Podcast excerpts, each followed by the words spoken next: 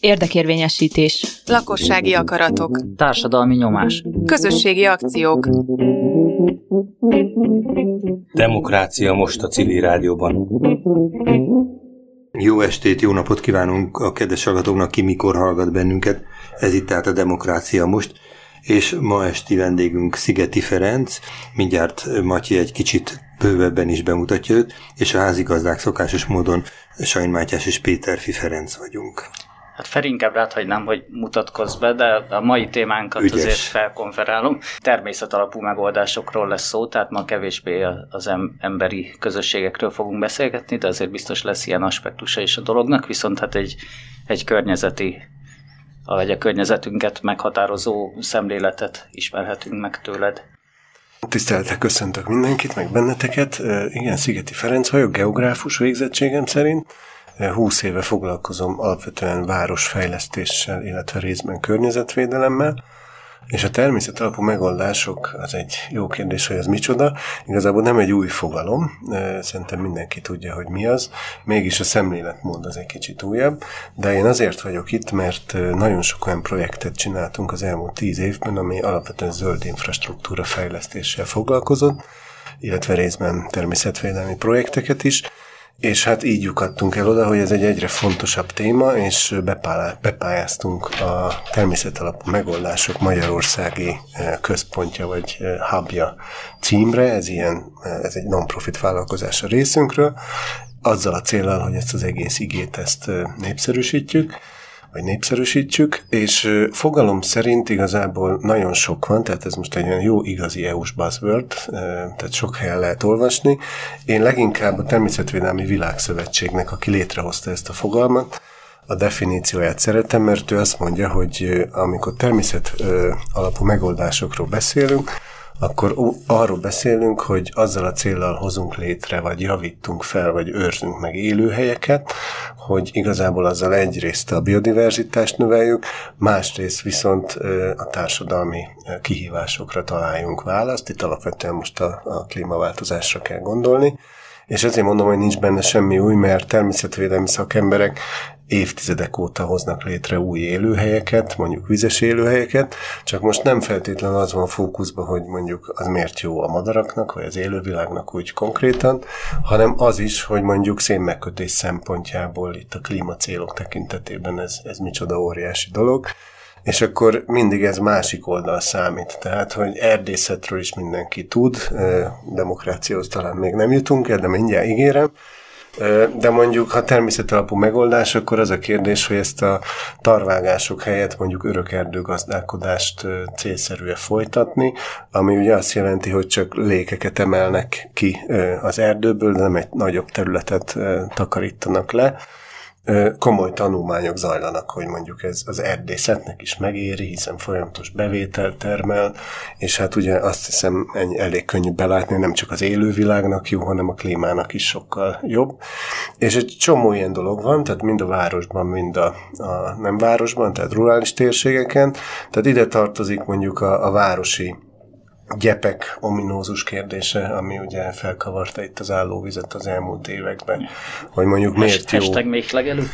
Méhlegelő, igen, azt a szót kevésbé szeretjük, mert egyébként nem azt akarja. Tehát a, a városi vadvirágos rétek, amikor meghagyják a fáknak a újszerű klímaadaptív menedzsmentje, tehát hogy hogyan érdemes őket ültetni, és egy csomó hazai gyakorlat is van, és nagyon sok város például eljut arra, hogy ezekkel a témákkal muszáj foglalkozni, és nagyon sok város eljut odáig is, hogy meg hát nem csak város, hogy a közösségek szerepe is azért ebben alapvetően fontos, és ha már ez a alkalom itt ugye a demokrácia most, ugye, jól mondom, uh-huh Hát végül is a, a, a, ugye a jövő nemzedékek biztosan, tehát végül is a demokrácia egyik alaptétele, hogy a jelenbe kéne úgy cselekednünk, hogy ez a jövő generációjának is fontos.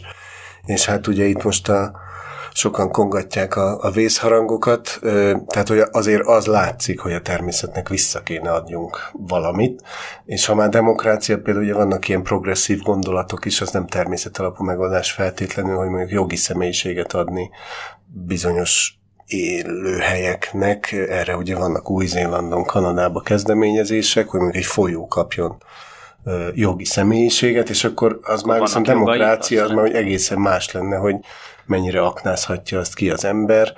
Ez sokszor ugye ilyen helyi őshonos lakossággal is összefügg.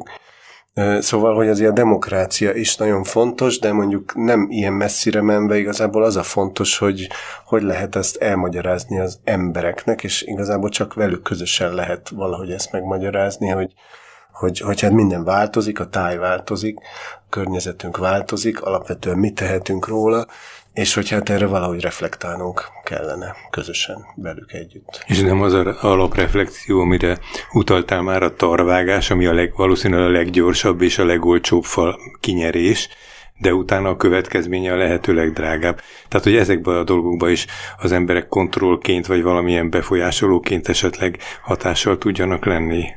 Hát igen, és hát ugye tudással vannak, akkor befolyással is tudnak lenni, de egyébként szerintem ezt nagyon jól mutatja a igazából szerintem pofon egyszerű városi vadvirágos rétek esete, ugye, hogy, hogy hát ebből nem tudom mennyire szabad itt politikáról beszélni, de hogy, de hogy ugye hát az eléggé ki lett élezve politikailag, nagyon egyoldalúan és eléggé után, mert hogy ugyanakkor, amikor ez történt Budapesten, akkor egyébként kormánypárti városokban ez már jó gyakorlatként működött ugyanúgy.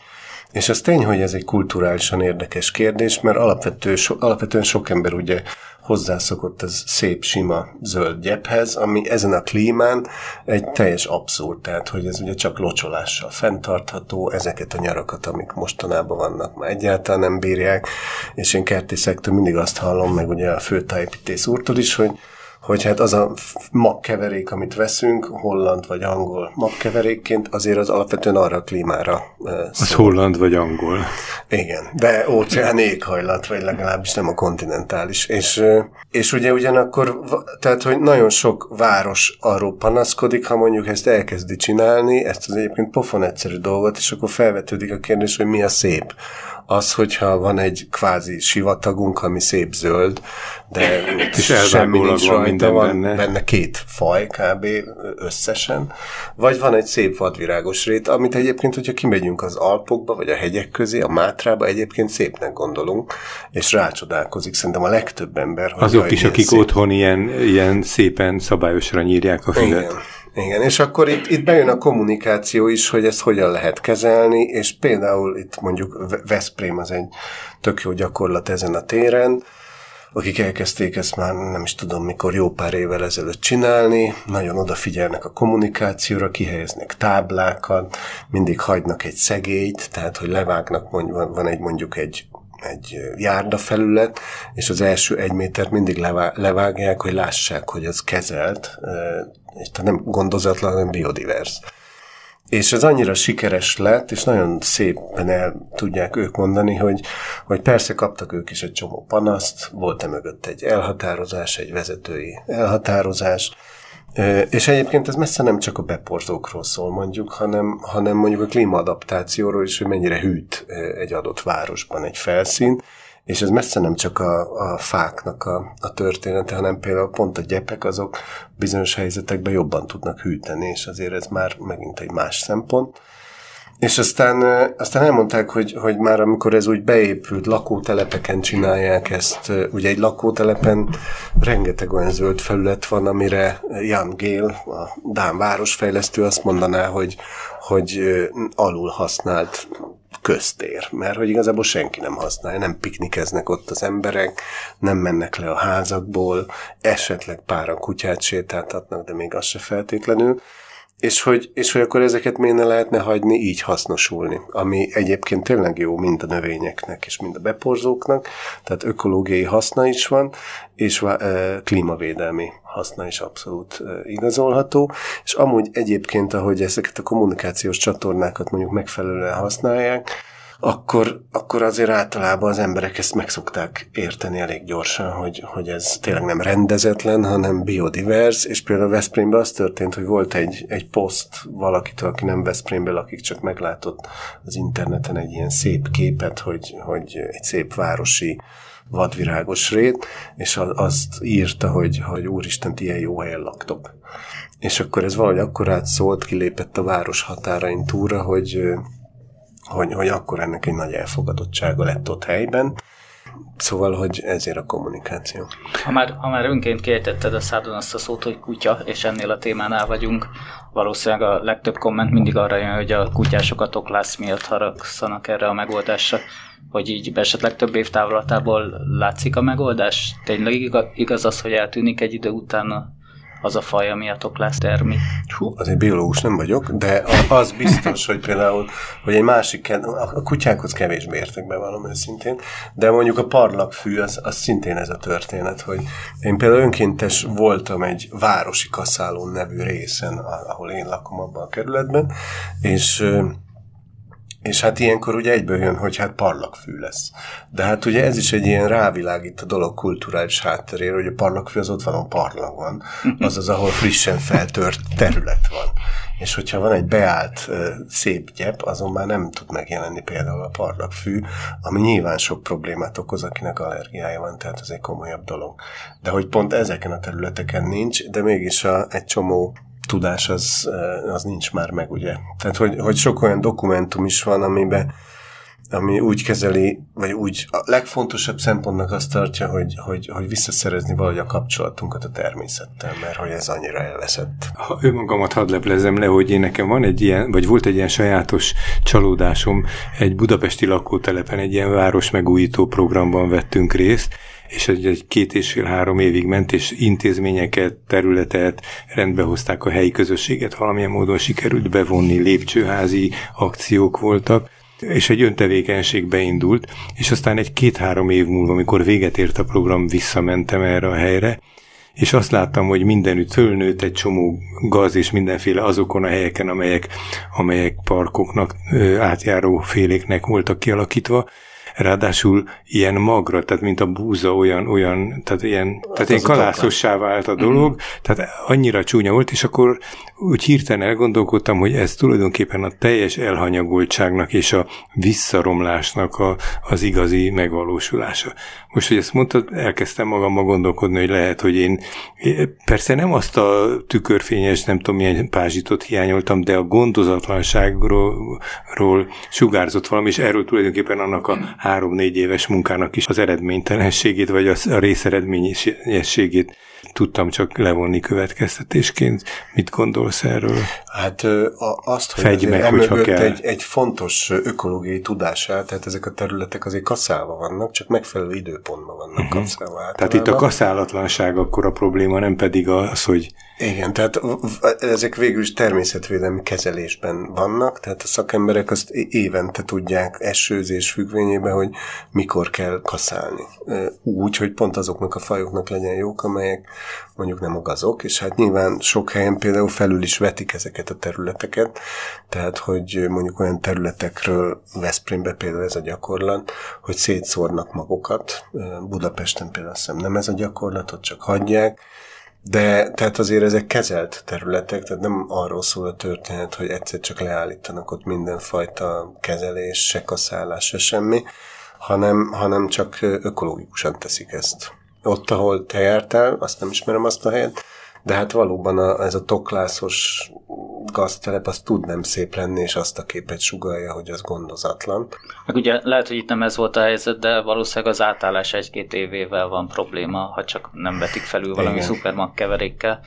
Vagy ugye az ember beavatkozik a természetes folyamatba, aztán abba hagyja a beavatkozást, és mire az helyre jön, és visszatérnek a virágok, addig lehet, hogy például parlagfű vagy olyan fajok jelennek meg, amiket nem szeretünk. Önvizsgálatot fogok tartani, majd egy kicsit végig gondolom ezt, mert egy kicsi vigaszt kínáltál az én negatív élményemre, ami szerint ez tényleg negatív dolog, de persze újra kell gondolni egy csomó mindent, tehát az ember ilyen, hogy gondolja újra.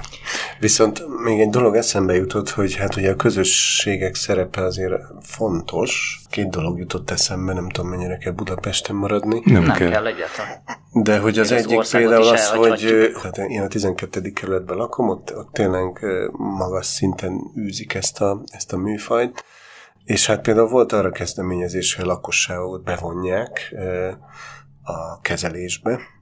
Ez ugye uh-huh. máshol is fut, más országban, Magyarországon nyilván egy kicsit nehezebb. Ott konkrétan egy ilyen arról szólt a történet, hogy kisebb zöld felületeket, amilyen Járda szigeten van, azt kellett gondozásba venni. És, és az lakosokra volt bízva. És aztán hát volt nyilván egy-kettő, ami tök szépen megújult és fenn volt tartva, de összességében a program azért nem annyira jól működött, és akkor próbálkoztak így úgy segíteni, hogy hol legyenek ezek, hogy a lakos jelöle ki, hogy hol legyen inkább magához közel, vagy messzebb, de ha messzebb van, akkor ugye nem tudja locsolni. Tehát, hogy, hogy ez például kudarcba fulladt. De mhm. ugyanakkor az egyik legfontosabb kihívás, az az, hogy úgy általában egy városi térben, ahol ilyen családi házas övezet van, ott a legnagyobb zöld felület általában magánterület. És hogy hogyan lehet ott elérni azokat a biodivers kerteket, vagy biológiailag sokszínű kerteket mondjuk, vagy vízmegtartást éppen, ha már természetalapú megoldásokról van szó. Tehát hogyan lehet a lakosokat ösztönözni, ez például egy tök fontos téma.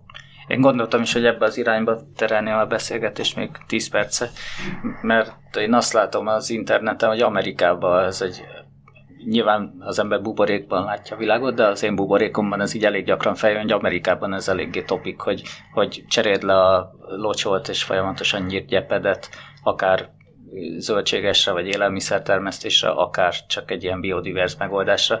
És ugye különösen éles a helyzet a sivatagosabb államokban, vagy Kaliforniában, ahol tényleg csak a locsolással lehet életben tartani bármi zöldet, és hogy ez egy kicsit ilyen átértelmezése a dolognak, hogy a kaktusz az miért ne lehetne szép és dekoratív, vagy akár a kövekkel lefedett előkert, miért kell mindenképpen zöldgyepet fenntartani, és akkor ennek egy, egy hajtása, amikor meg kifejezetten élelmiszert próbálnak már Igen. ezen termeszteni. És ugye ott nagyon látványos, mert nincsenek feltétlen kerítések, hanem ugye a járdával egybe mosódik az előkert, úgyhogy ott, ott elég izgalmas helyzetek jönnek létre. Hát igen, nyilván függ az éghajlat. Én is olvastam egy cikket, hogy valahol dél, mert hogy az USA-ban, de annak a déli részén, egy nagyon sivatagos részen, például van egy város, csak nem itt eszembe a neve már, ami arról híres, hogy 20 év alatt a lakók csináltak igazából egy gyümölcsfaligetet a városba, hmm. és egyrészt szedik is a gyümölcsfákról a termést, másrészt ez biztosítja hmm. az utcáknak a, az árnyékolását, ami, ami ugye szuper fontos megint csak, hogy itt nem csak arról van szó, hogy mondjuk a fák ugye oxigént termelnek, széndiokszidot kötnek meg, port fognak meg, meg zajt csökkentenek, de hogy, de hogy ugye például az árnyékolással rengeteg energia megtakarítást is tud produkálni mondjuk egy lakóház esetében. És például ez a gyümölcsfa, ugye ez most megint például egy ilyen trend, hogy, hogy egyszerűen azt a tájhasználatot, ami ugye vidéken volt, az behozni a városba egy kicsit. Tehát például, ami sok-sok díjat nyert a Pünkös fürdőpark, ott a harmadik kerületben, ott a római fölött, a Dunaparton, ott is van egy, egy, egy telepített gyümölcsös, tehát hogy őshonos fajták a városban. Ha jól tudom, pár éve volt egy ilyen kezdeményezés, nem ott, hanem máshol, hogy, hogy csináljunk városi szüretet valamelyik parkban, valahol ezt kifejezetten tiltják, mert a lakosok ugye előszeretettel tiltakoznak a gyümölcsfák ellen, hiszen rápotyog a kocsira, de itt megint szerintem a természettel való kapcsolat van, hogy száz éve ugye például a Eper. eperfa, igen. Ugye az egy védett volt, tehát volt olyan törvény, hogy tilos kivágni, annyi volt belőle, csak aztán eltűntek. Ma meg szidjuk, hogy rápotyog a kocsira, uh-huh. és hát tényleg tud egy kicsit cefreszag lenni ott adott esetben. Szóval, hogy ez is így tök jó rávilágít arra, hogy hogy hol a kapcsolatunk a természettel.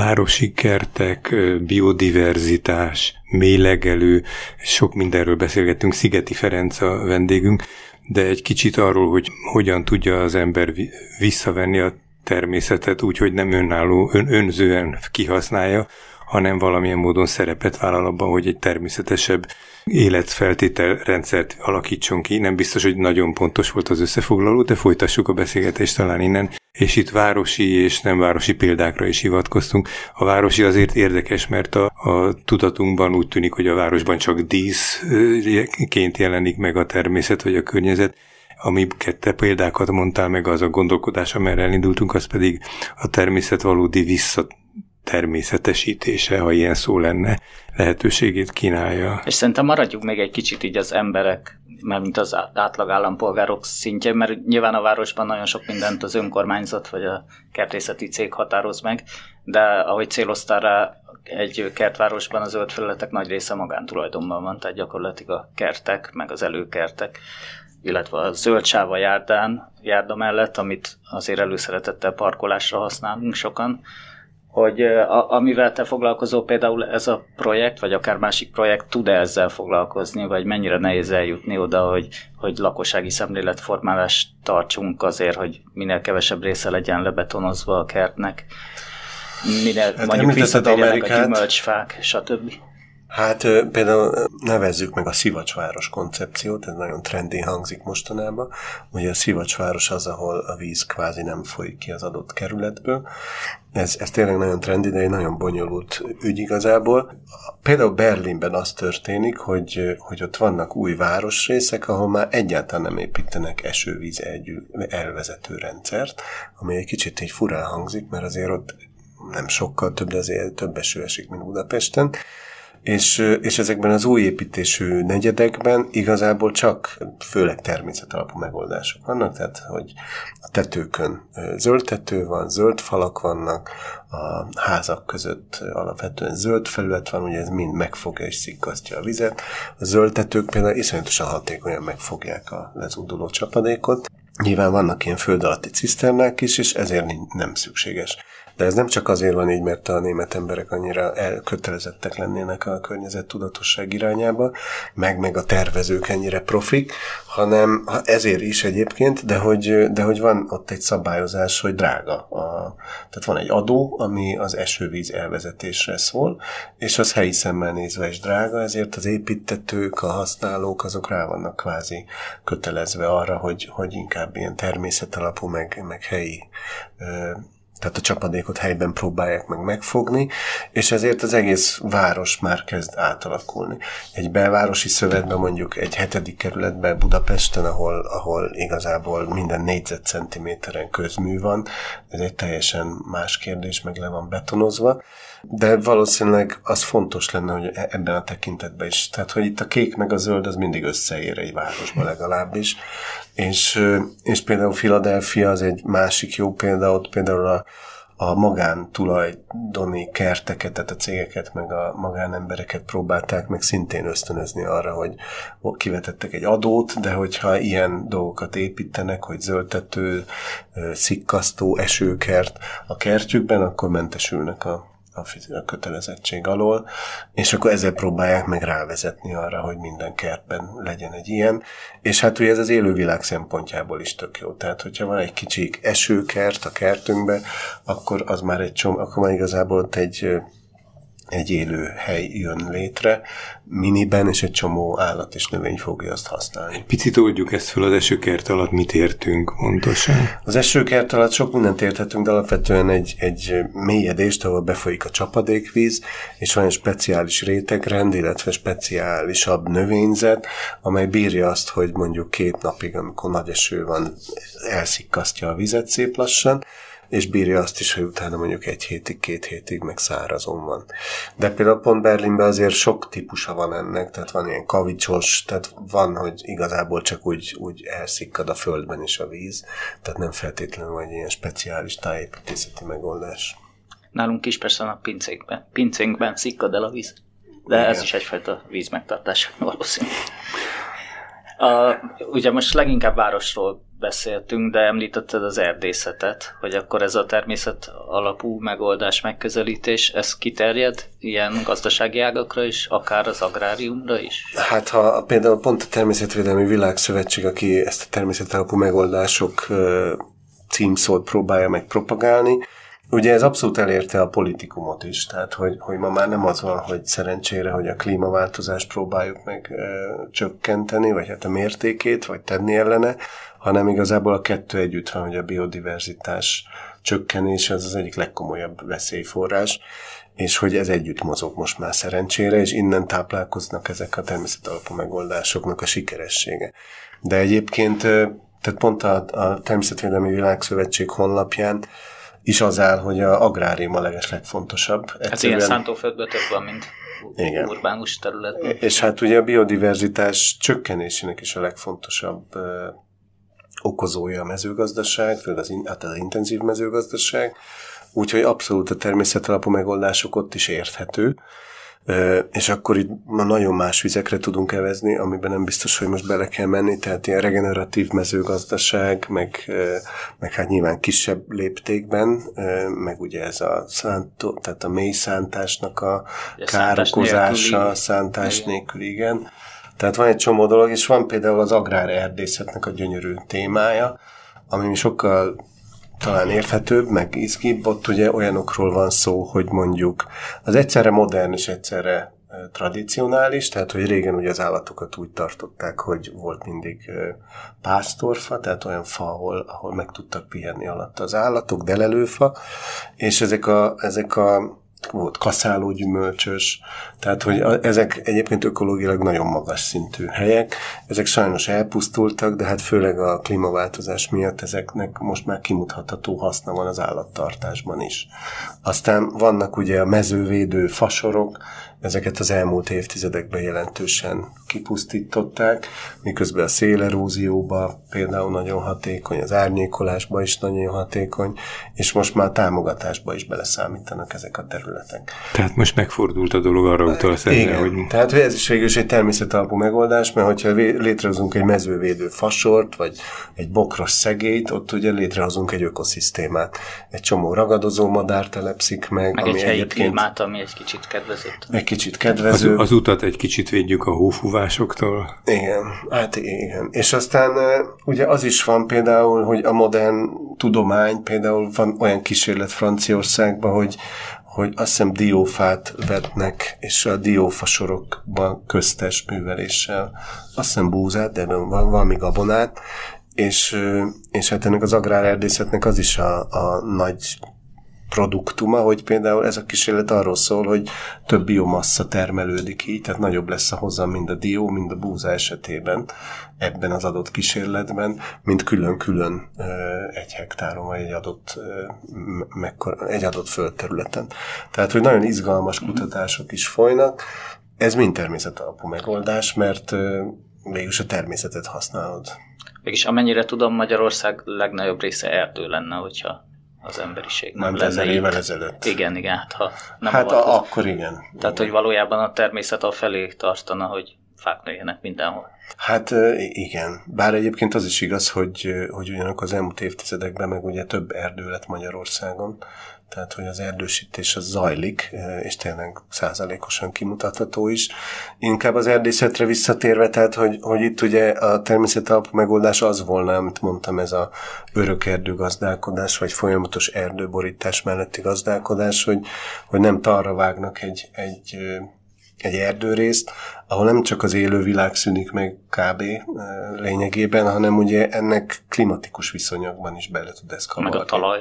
Meg a talaj lemosódik, meg egy csomó-csomó másik dolog. És ezzel szemben ugye egy-két-három fát emelnek ki lékekben folyamatosan, tehát hogy ez, ez, mert ugye a másikban vársz 80 évet, amíg az, vagy 70-et, vagy 90-et, amíg az felnő, és vágáséret lesz, levágod, és aztán megint vársz.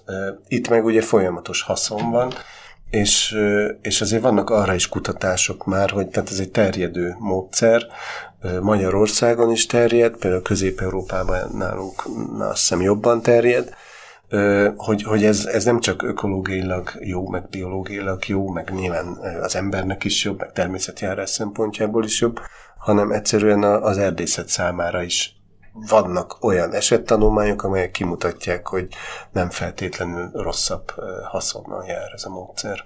Hát valószínűleg, ha arra vágsz egy hatalmas erdőt, akkor azt a mennyiséget nem fogja a helyi piac felvenni, tehát akkor azt vonatra kell rakni és elvinni valahol messzire. Hát most akkor igen, ez már itt a ökolábnyom. Csak kicsit tovább igen. gondoltam a dolgot. Hát mondjuk lehet, hogy azt is lehet, hogy azt vonatra is raknak, ami... Te benne vagy egy projektben, aminek Dunaújváros az egyik helyszíne igen. Magyarországon. Mesélsz erről? És mondtál valami nagyon fontosat még érkezésben, amin teljes majdnem elestünk itt a stúdióba hanyat, hogy, hogy Dunóiváros valamilyen szempontból milyen előkelő helyen van a magyar rangsorok között. A projekt nem, ez egy nemzetközi partnerség, városhálózat, az a neve, hogy Biodiversity, és akkor ugye a végén ott a város szó van, vagy hát az angol megfelelője. És ez pont ezzel foglalkozna, hogy a biodiverzitás a városban az miért fontos, azzal egyébként a lakosságot elég jól be lehet vonzani, meg lehet szólítani, és ha a lakosság meg van szólítva, akkor tud erről tanulni, lesz ismerete, és például tud természetalapú megoldásokat tervezni a lakosság, meg nyilván az önkormányzat. Dunaújváros ennek a konzorcium vezetője. Dunaújvárosban ez a téma azért fontos, mert az egy viszonylag kevéssé ismert tény, igen, hogy egyébként tényleg, hogy hogy a megyei jogú városok között ö, zöld, tehát Dunaújvárosban a legtöbb egyfőre jutó zöld felület, Ugye ez azért van, mert amikor Dunajvárost az 50-es években megépítették, akkor azért ezt még tudatosan tervezték. Meg hát ez ugye a lakótelepépítés korszaka volt. Ez a lakó, hát igen, hát nagy a... távolságokkal, széles utakkal. Hát igen, igen a lakótelepvízió az arról szólt, hogy az emberek lakassanak a zöldbe, és ne a zsúfolt lebetonozott igen. városban. Igen, és egyébként pont Veszprémben hallottam ezt a mondatot, és nagyon megfogott, hogy hát Például egy lakótelepen a zöld felület az a lakóknak a kertje, hiszen nekik nincs kertjük, viszont van zöld felületük. De egyébként pont ebből, tehát az, hogy az 50-es években telepítettek sok fát, ültettek sok fát, ugye ezek most öregednek ki, a 2022-es történelmi asszály az úgy megtette ott is a hatását, Rású város egy löszplaton fekszik, ugye a, valamikor a 60-as években volt is egy jelentős csúszamlás, Szóval, hogy ott a vízzel észszel kell bánni, és mindezen okoknál fogva őket érdeklik, hogy hogyan lehet ezt jobban csinálni, ezt a dolgot. Említettem a városi biodiverzitást, ami igazából semmiből nem különbözik, mint amúgy a biodiverzitás, tehát hogy a, a fajok számlálása, és például van egy nagyon érdekes esemény, ezt több nyugati város csinálja, az a neve, hogy BioBlitz, amikor Magyarországon is most már van ilyen, azt hiszem a WWF csinált ilyet, ez lehet városban és nem városban is, amikor lakosok bevonásával számolják meg egy adott területen, parkban, vagy az egész városban a fajok számát. Ez most már ugye van applikáció, le lehet tölteni, le kell fotózni, meghívnak pár szakembert, és az ő segítségükkel, meg az applikáció segítségével ezt egy hétvége alatt elég hatékonyan lehet csinálni. Ez a felelősségvállalásnak az átvételét eredményezheti, ezért van ez a bevonás, vagy, vagy másokból? Hát egyrészt ez a citizen science, tehát hogy, hogy a tömeg hatékonyabb, ugye most már erre van lehetőség, így a, a, a korszerű technológiával. Most már erre van egy globális hálózat is, hogy minden áprilisban szerveznek ilyen versenyeket, be lehet ebbe szállni minden városban, az a neve egy City Nature Challenge, és van hozzá egy applikáció, tök ingyenes az egész, és hát nyilván meg kell szervezni ezt a dolgot. És hát nyilván, hát ez egy izgalmas dolog, talán nem csak gyerekeknek, hanem felnőtteknek is, hogy, hogy mi, mi él ott körülöttünk, tehát hogy hányfajta madárfaj, hány denevér, hány bogár. Hány a büszkeséget lovar. is erősítheti. Akár. Vagy a félelmünket növeli. Igen, vagy azt. De, de nyilván ez egy tanulási folyamat, igen, és, és akkor már ez egy csomó lehetőséget ad beszélgetésre is. Tehát, hogyha mondjuk a lakótelepen, ahol lakunk, ott ugye simára nyírt fű van, vagy pedig egy csomó részét nem használjuk, és városi vadvirágos rét van. A mélegelő az mást jelent, az van. Én azért nem használom a mélegelőnél, tudatosan ültetett terület van, ami egész évben virágzik, tehát az egy kvázi drágább dolog, viszont nagyon jó a beporzóknak, mm. a, míg a kvázi városi vadvirágos réten lehet, hogy van felülvetés, bizonyos időszakban kaszálnak, de nem tudatosan ültetnek. Tehát, hogy akkor ezt könnyű elmagyarázni például egy ilyen eseményen, hogy ott gyűjtik a gyerekek, felnőttek, akárki a fajokat, lefotózzák őket, és akkor erről lehet beszélgetni. Azért engem érdekelne, hogy mit magyaráztok el az embereknek, mert nyilván van egy izgalma annak, hogy hány fajta lepkét láttam, de de hát valójában ez egy ilyen felszínes izgalom. De hogy valószínűleg vannak olyan érvek, amik az életünket mélyebben érintik. Most csak egy jut eszembe, hogy mondjuk ha több a denevér, akkor lehet, hogy kevesebb a szúnyog. Nem is biztos, hogy ez igaz, de az, az volna a kérdésem, hogy ilyen jellegű érveitek is vannak, vagy csak az, hogy a természet gyönyörködtet, és legyen körülöttünk természet? Hát éppen ez a projekt csak most kezdődött, de amúgy természetesen vannak ilyen érvek. Meg, Mondjál meg, ilyen érvek. Hát nekem egyszer a Vásárhelyi Tamás, aki egy bogarász, tehát a, egy szakértő, azt hiszem a Természettudományi Múzeumban dolgozott, és a Környezeti Nevelési Egyesületnek mm, önkéntese vezetője, és ő egyszer annyira szépen leírta ezt, hogy hát ezt úgy kéne elképzelni valahogy, hogy miért fontos az, hogy még van egy terület, akkor pont a normafáról beszélgettünk, hogy, hogy ott, ott él egy nagyon ritka pillangó. És hogy most, vagy például ez egyébként nemzeti büszkeségre is adhatna okot szerintem, mint ahogy szokták ezt mondani, hogy van farkas Magyarországon, azt tényleg adhat nemzeti büszkeségre szerintem okot. De azt, hogy mondjuk Budapesten is van olyan növényfaj, ami mondjuk a budai hegyekben van csak a világon, az is azért, meg az, hogy Budapesten egyszerűen a természetföldrajzi adottságok miatt mert kifejezetten magas a biodiverzitás aránya, mármint most városi léptékben, Szerintem, ha lenne ilyen verseny Európában, jó esélye a top 5-ben benne Na, de most, most direkt a szkeptikus oldalra állok, hogy lehet azt mondani, hogy értem, hogy az erdőben legyen minél több faj, meg értem, hogy a mezőgazdaság se írtson ki mindent, de hogy miért pont a városba kell sok faj? Most ez számít az nekünk valójában? Hát visszatérek még a példára. A Vásárhelyi Tamás azt mondta, hogy ezt úgy kell elképzelni, hogy megy a hajó, kiesik egy csavar, ami semmit nem jelent a korlátból. Bedobja a tengerész a hajóba. Aztán kiesik még egy csavar, és akkor ez így megy, és nem tudhatjuk, hogy a hajó az mikor süllyed el, és mikor omlik teljesen össze, vagy roppan össze. Mm-hmm. És ez pont igen így van. Tehát ez egy annyira komplex ugye egy ökoszisztéma annyira függ minden mindentől, és első az ember bármennyit tud róla, nem igazán mondhatni szerintem, hogy ismeri.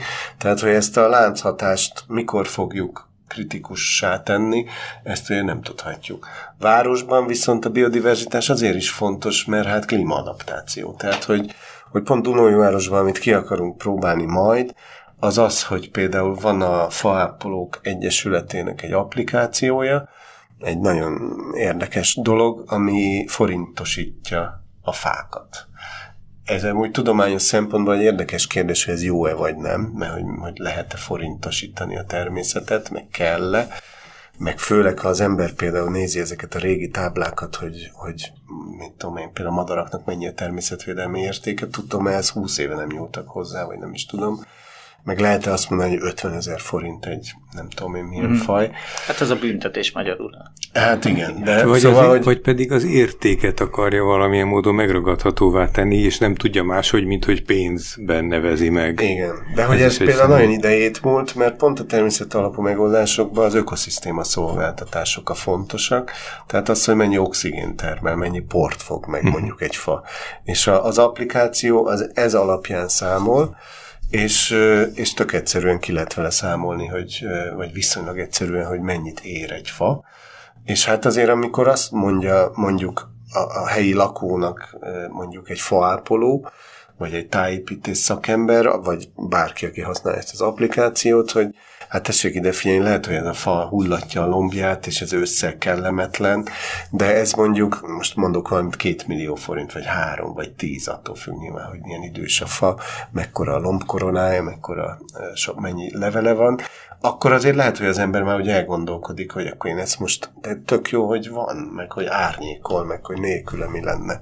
Igen, lehet, hogyha nyáron egy közösségi hőmérsékletmérést tartanánk a fa alatt, meg a betonon, akkor sok hát ember eljönne, hogy miért van igen. fa.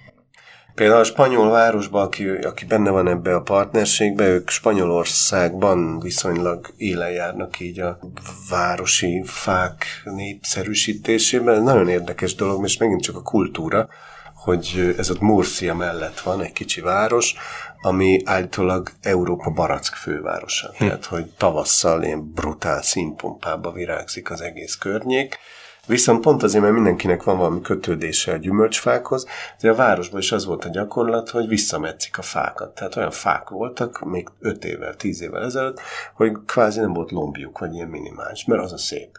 És aztán ott is ugye a nyarak egyre durvábbak, egyre nagyobb hőhullámok vannak, és elkezdték ezt megváltoztatni, hogy legyen lombkoronája a fáknak, egyszerűen csak azáltal, hogy máshogy metszik, meg sokkal kevésbé. És, és hogy milyen örömöket szült, milyen ellenállásba, tehát nagyon érdekes dolog, és hát ott vannak nyilván ilyen, ilyen hőmérsékleti adatok, hogy egy nyári napon, ami ott azért 45 fok simán van, az mondjuk egy utcafelületen, ahol nincs fa, ugye 60 fok, vagy, vagy tehát hogy nagyon durva szám, még egy árnyékolt fákkal borított utcán meg, meg vissza sokkal kevesebb.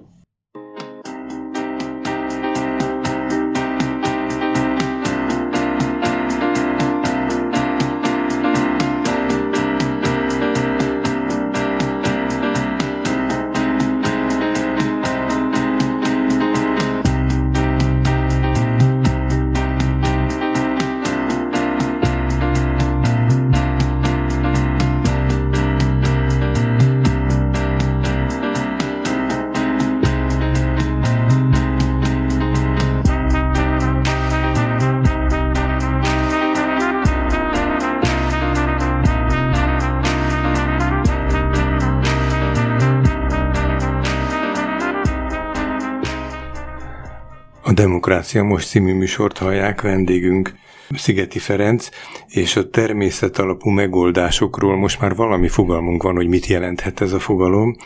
Egy-két városi példa már föl-fölmerült, és úgy láttam, mintha a beszélgetés arra irányulna, hogy mit tudunk még a város ügyében fölhozni, és akár nem csak nagyvárosokban, kisebbekben. És egyáltalán kin múlik az, egy városi típusú terülpülésen, hogy ott milyen mentalitás, vagy milyen, milyen policy érvényes ebben a kérdésben. A helyi vezetésen, a központi hatalmon, a helyi polgárokon, civil szervezeteken, szóval valahogy fölállítható-e valami, hogy mi, mi, kitől, mitől függ a mai hazai gyakorlat szerint, hogy, hogy az fogékony ilyen dolgokra, aktuális lépéseket tesz vagy nagyon elengedi a gyeplőt? Hát minden kell hozzá, mindenképp kell hozzá egy erős vezetői szemlélet szerintem, mert például ugye beszélgettünk itt ezekről a városi kaszálókról, vagy vadvirágos városi részekről, ahol óhatatlanul jönnek a panaszok.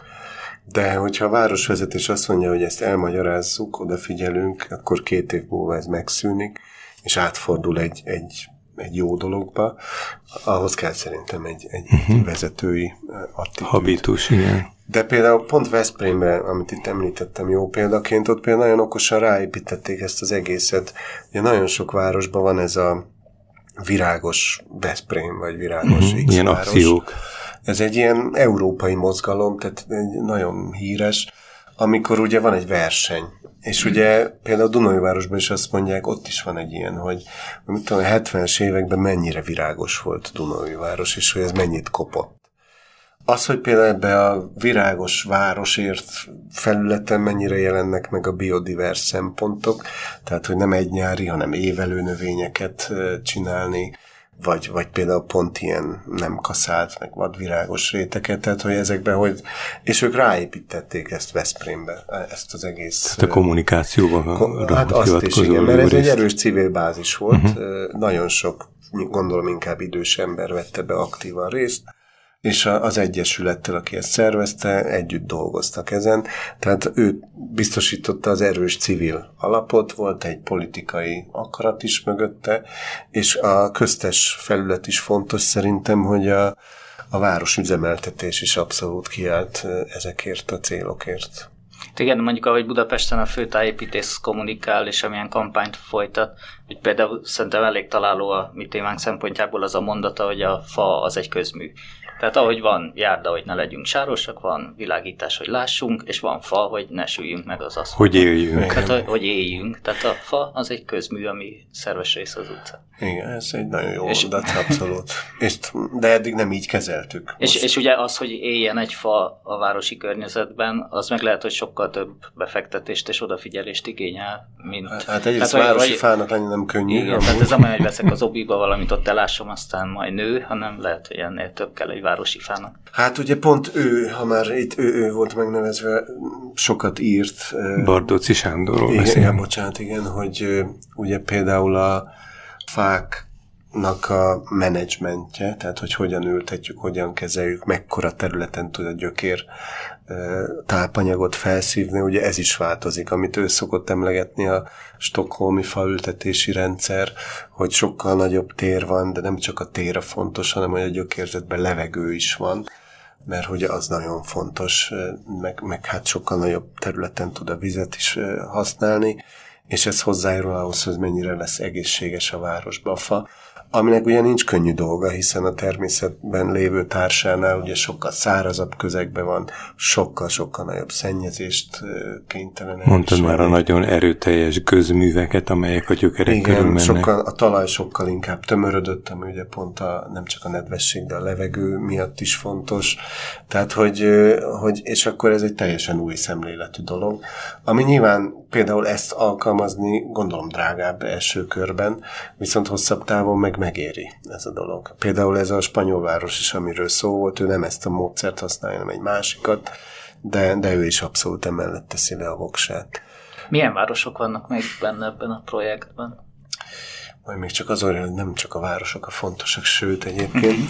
A városok ugye azért nagyon fontosak, amit mondtunk, hiszen ott él a lakosság, és a szemléletformáló erő szerintem uh-huh. nagyon fontos ezekben a dolgokban. Mint hogy például a Pünkösfürdő parknál is, ugye van egy csomó tök jó tájékoztató tábla, ami nem csak arról szól, hogy ott a méhecskéknek miért jó, és a méhecskék története se arról szól a városban, hogy, hogy, hogy miért jó a városban a méheknek, hanem arról is kéne, hogy szóljon, hogy a nagyüzemi gazdaságok, mezőgazdaságban ugye a növényírtószerek miatt beporzók száma az elég durván csökken, míg a városban ez nincsen, ezért ez kvázi nekik egy oázis lehet. De ez, itt a városban ez jól néz ki, de ez nem csak egy ilyen szexi téma, hanem ez egy tök fontos környezeti ügy, mert ha nincsenek beporzók, akkor ugye ezért elég nagy gondba lesz az ember hogy milyen városok vannak, amit kiemelnék, például benne van Guimarães, az Észak-Portugáliában Porto mellett egy város, őt azért emelném ki, mert ők azt hiszem 2010-ben voltak Európa kulturális fővárosa, amúgy egy UNESCO védett belvárossal rendelkező város, és ott a polgármester, csak mert erről volt szó, ő amikor kulturális főváros voltak, akkor azt mondta, hogy a zöld az irány. És amúgy is hát területileg az egy tehát, hogy nem egy ilyen nagyon kompakt várost kell elképzelni, tök sok, tök sok zöld felület van, agrárium is van a városon belül, és azt mondta, hogy ez az irány, és ezt annyira felépítette, például ott létrejött egy külön intézet, aminek az a neve, hogy Landscape Laboratory, azt most magyarul um, tájlaboratórium, uh-huh. aki az összes ilyen ügyet intézi, és nem csak ott helyben, hanem egész Portugáliában, és most például a 2025-ös Európa Zöld Főváros címért, azt hiszem a legutolsó háromban benne voltak, de aztán sajnos nem ők kapták meg. Szóval hogy ők ezt kifejezetten kvázi egy ilyen várospolitikai szemlélettel is csinálják, hogy ez egy brand is önmagában. Van egy ilyen mm, kicsit furcsa és kicsit emberközpontú kifejezés, hogy ökoszisztéma szolgáltatás, tehát hogy a természet milyen szolgáltatásokat ad nekünk, kvázi. Azt hát, hiszem, hogy ez eléggé összefügg ezzel. Igen, az most egy népszerű kifejezés, ebben ugye benne négy kategóriája van ennek amúgy.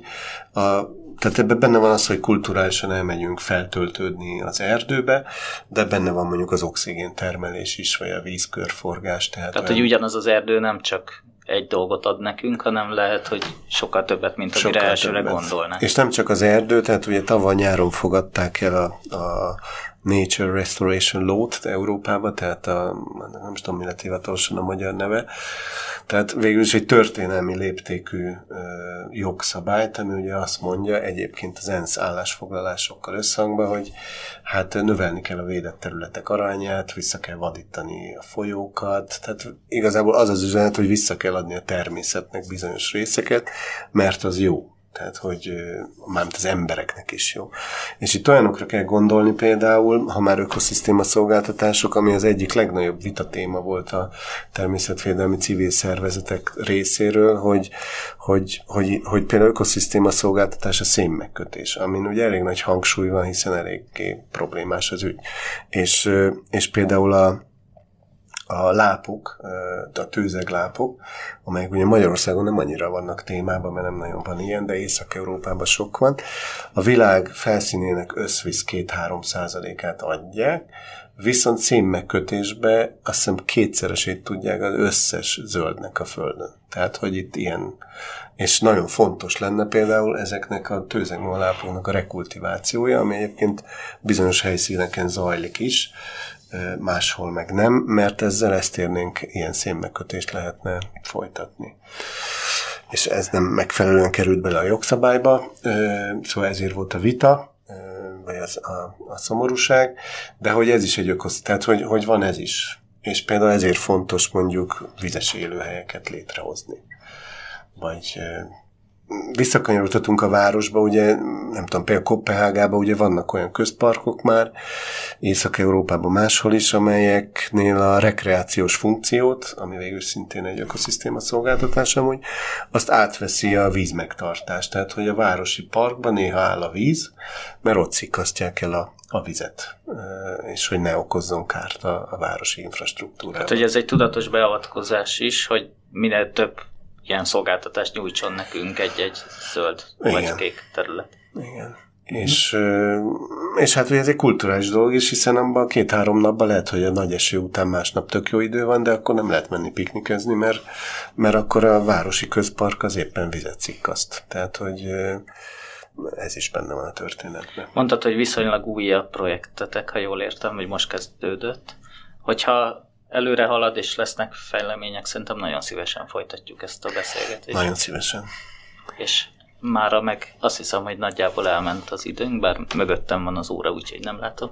Igen, De... és közben arra jutottam magamba, hogy én most már azt hiszem, hogy értem, hogy mi lehet a természet alapú megoldás. Olyan dodonainak tűnt a, meg olyan komplikált eh, szóvirágnak, de most már azt hiszem, a, a, ez az egy óra ehhez segített. Nem mondom, hogy lezárnám az ezzel ügyben való ismeretem szerzését, de én, én most valamit megértetem, hát hogyha hallgatók közül is többen vannak. Köszönjük szépen. Köszönjük szépen. Szigetre Szerenc volt a vendégünk, és akkor lesz még.